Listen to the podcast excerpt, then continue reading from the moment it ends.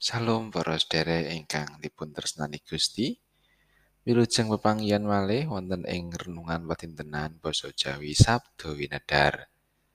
Sumangga sadèrèngipun kita gegilut sabdanipun Gusti, kita ndedonga langkung rumiyin.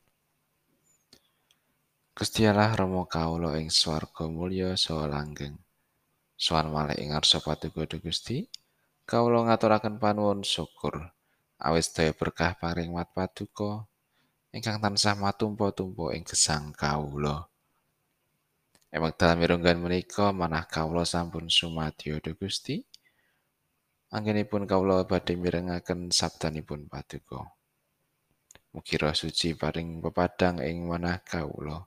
Setemah kawula kasagetaken mangertosi dawuh paduka. Tasih kathah dosa kalepatan kawula ing ngarsa paduka. Mugi Gusti kersa ngapunteni. Wonten ing asmanipun Gusti Yesus Kristus juru wilujeng kawula ingkang gesang. Kawula ndedonga lan saos syukur. Amin. Wawasan kapendet saking kalih Korinta bab setunggal ayat kalih welas dumugi songolas. Iki kang dak agung-agungake. Ya iku paseksene rumangsaning atiku. Yen lakuku ana ing jagat iki apa maneh ing bab kegayutanku karo kowe? Iku marga saka dayaning temen lan murni kang saka ing Allah. Ora marga saka dayaning kawicaksanan kadonyan nanging marga saka sih rahmating Allah. Sebab kang padha dak tulis iki mung apa kang bisa kok waca sarta kok mangerteni? Lan pangarep-arepku Muga-muga kowe padha bisa mangerti nganti sapantoke. Kaya dene anggonmu wis padha mangerti sawetara saka aku, yaiku yen kowe bakal ngagung-agungake aku. Kaya dene anggonku iya bakal padha ngagung-agungake kowe besok ing dinane Gusti Yesus. Lelandesan keyakinan iki, aku maune wis tau ngrancang nekani kowe supaya kowe oleh osih rahmat kang kaping pindhone. Banjur arep nerusake lakuku menyang ing tanah Makedonia. Saka ing tanah Makedonia bali meneh menyang nggonmu lan kelawan pitulunganmu. Aku bisa nerusake lakuku menyang ing tanah Yudea.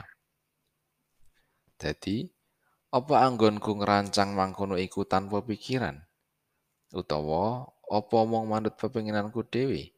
Teman aku banjur duwe ujar iya iya lan ora ora Demi Gusti Allah kang setya tuhu, janjiku marang kowe ora iya lan ora. Awit Gusti Yesus Kristus putraning Allah kang wis dak wartakake ana ing antaramu, ya aku lan Silvanus sarta Timotius dudu iya lan ora. Nanging kosok baline ana ing panjenengane iku kang ana mung iya. Makatan pangandikanipun Gusti ayat nat saking ayat kalih welas. Sing dadekake gedhe ning atiku ya kuwi swaraning batinku sing yakinake aku.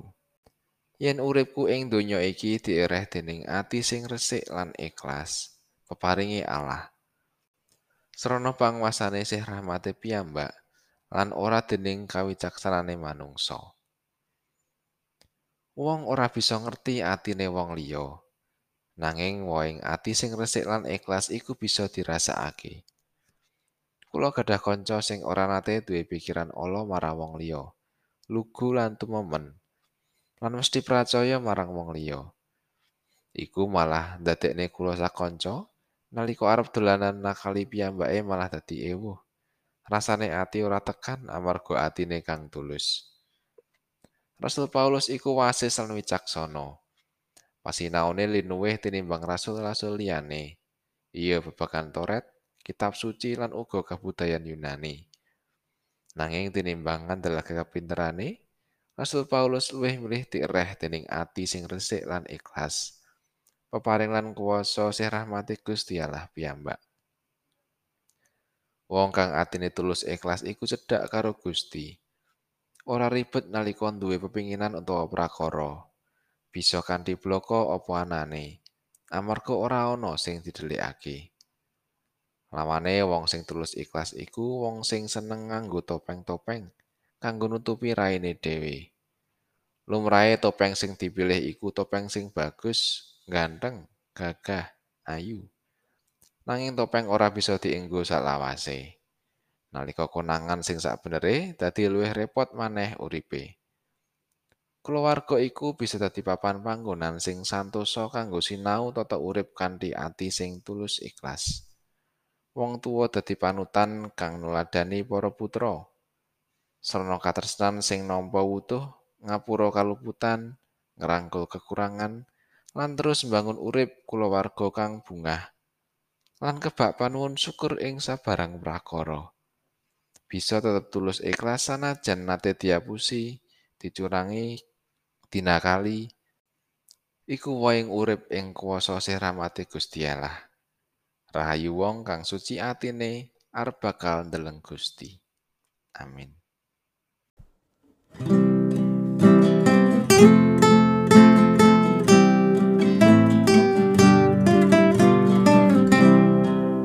Puji konjo Allah kang mira ing rinten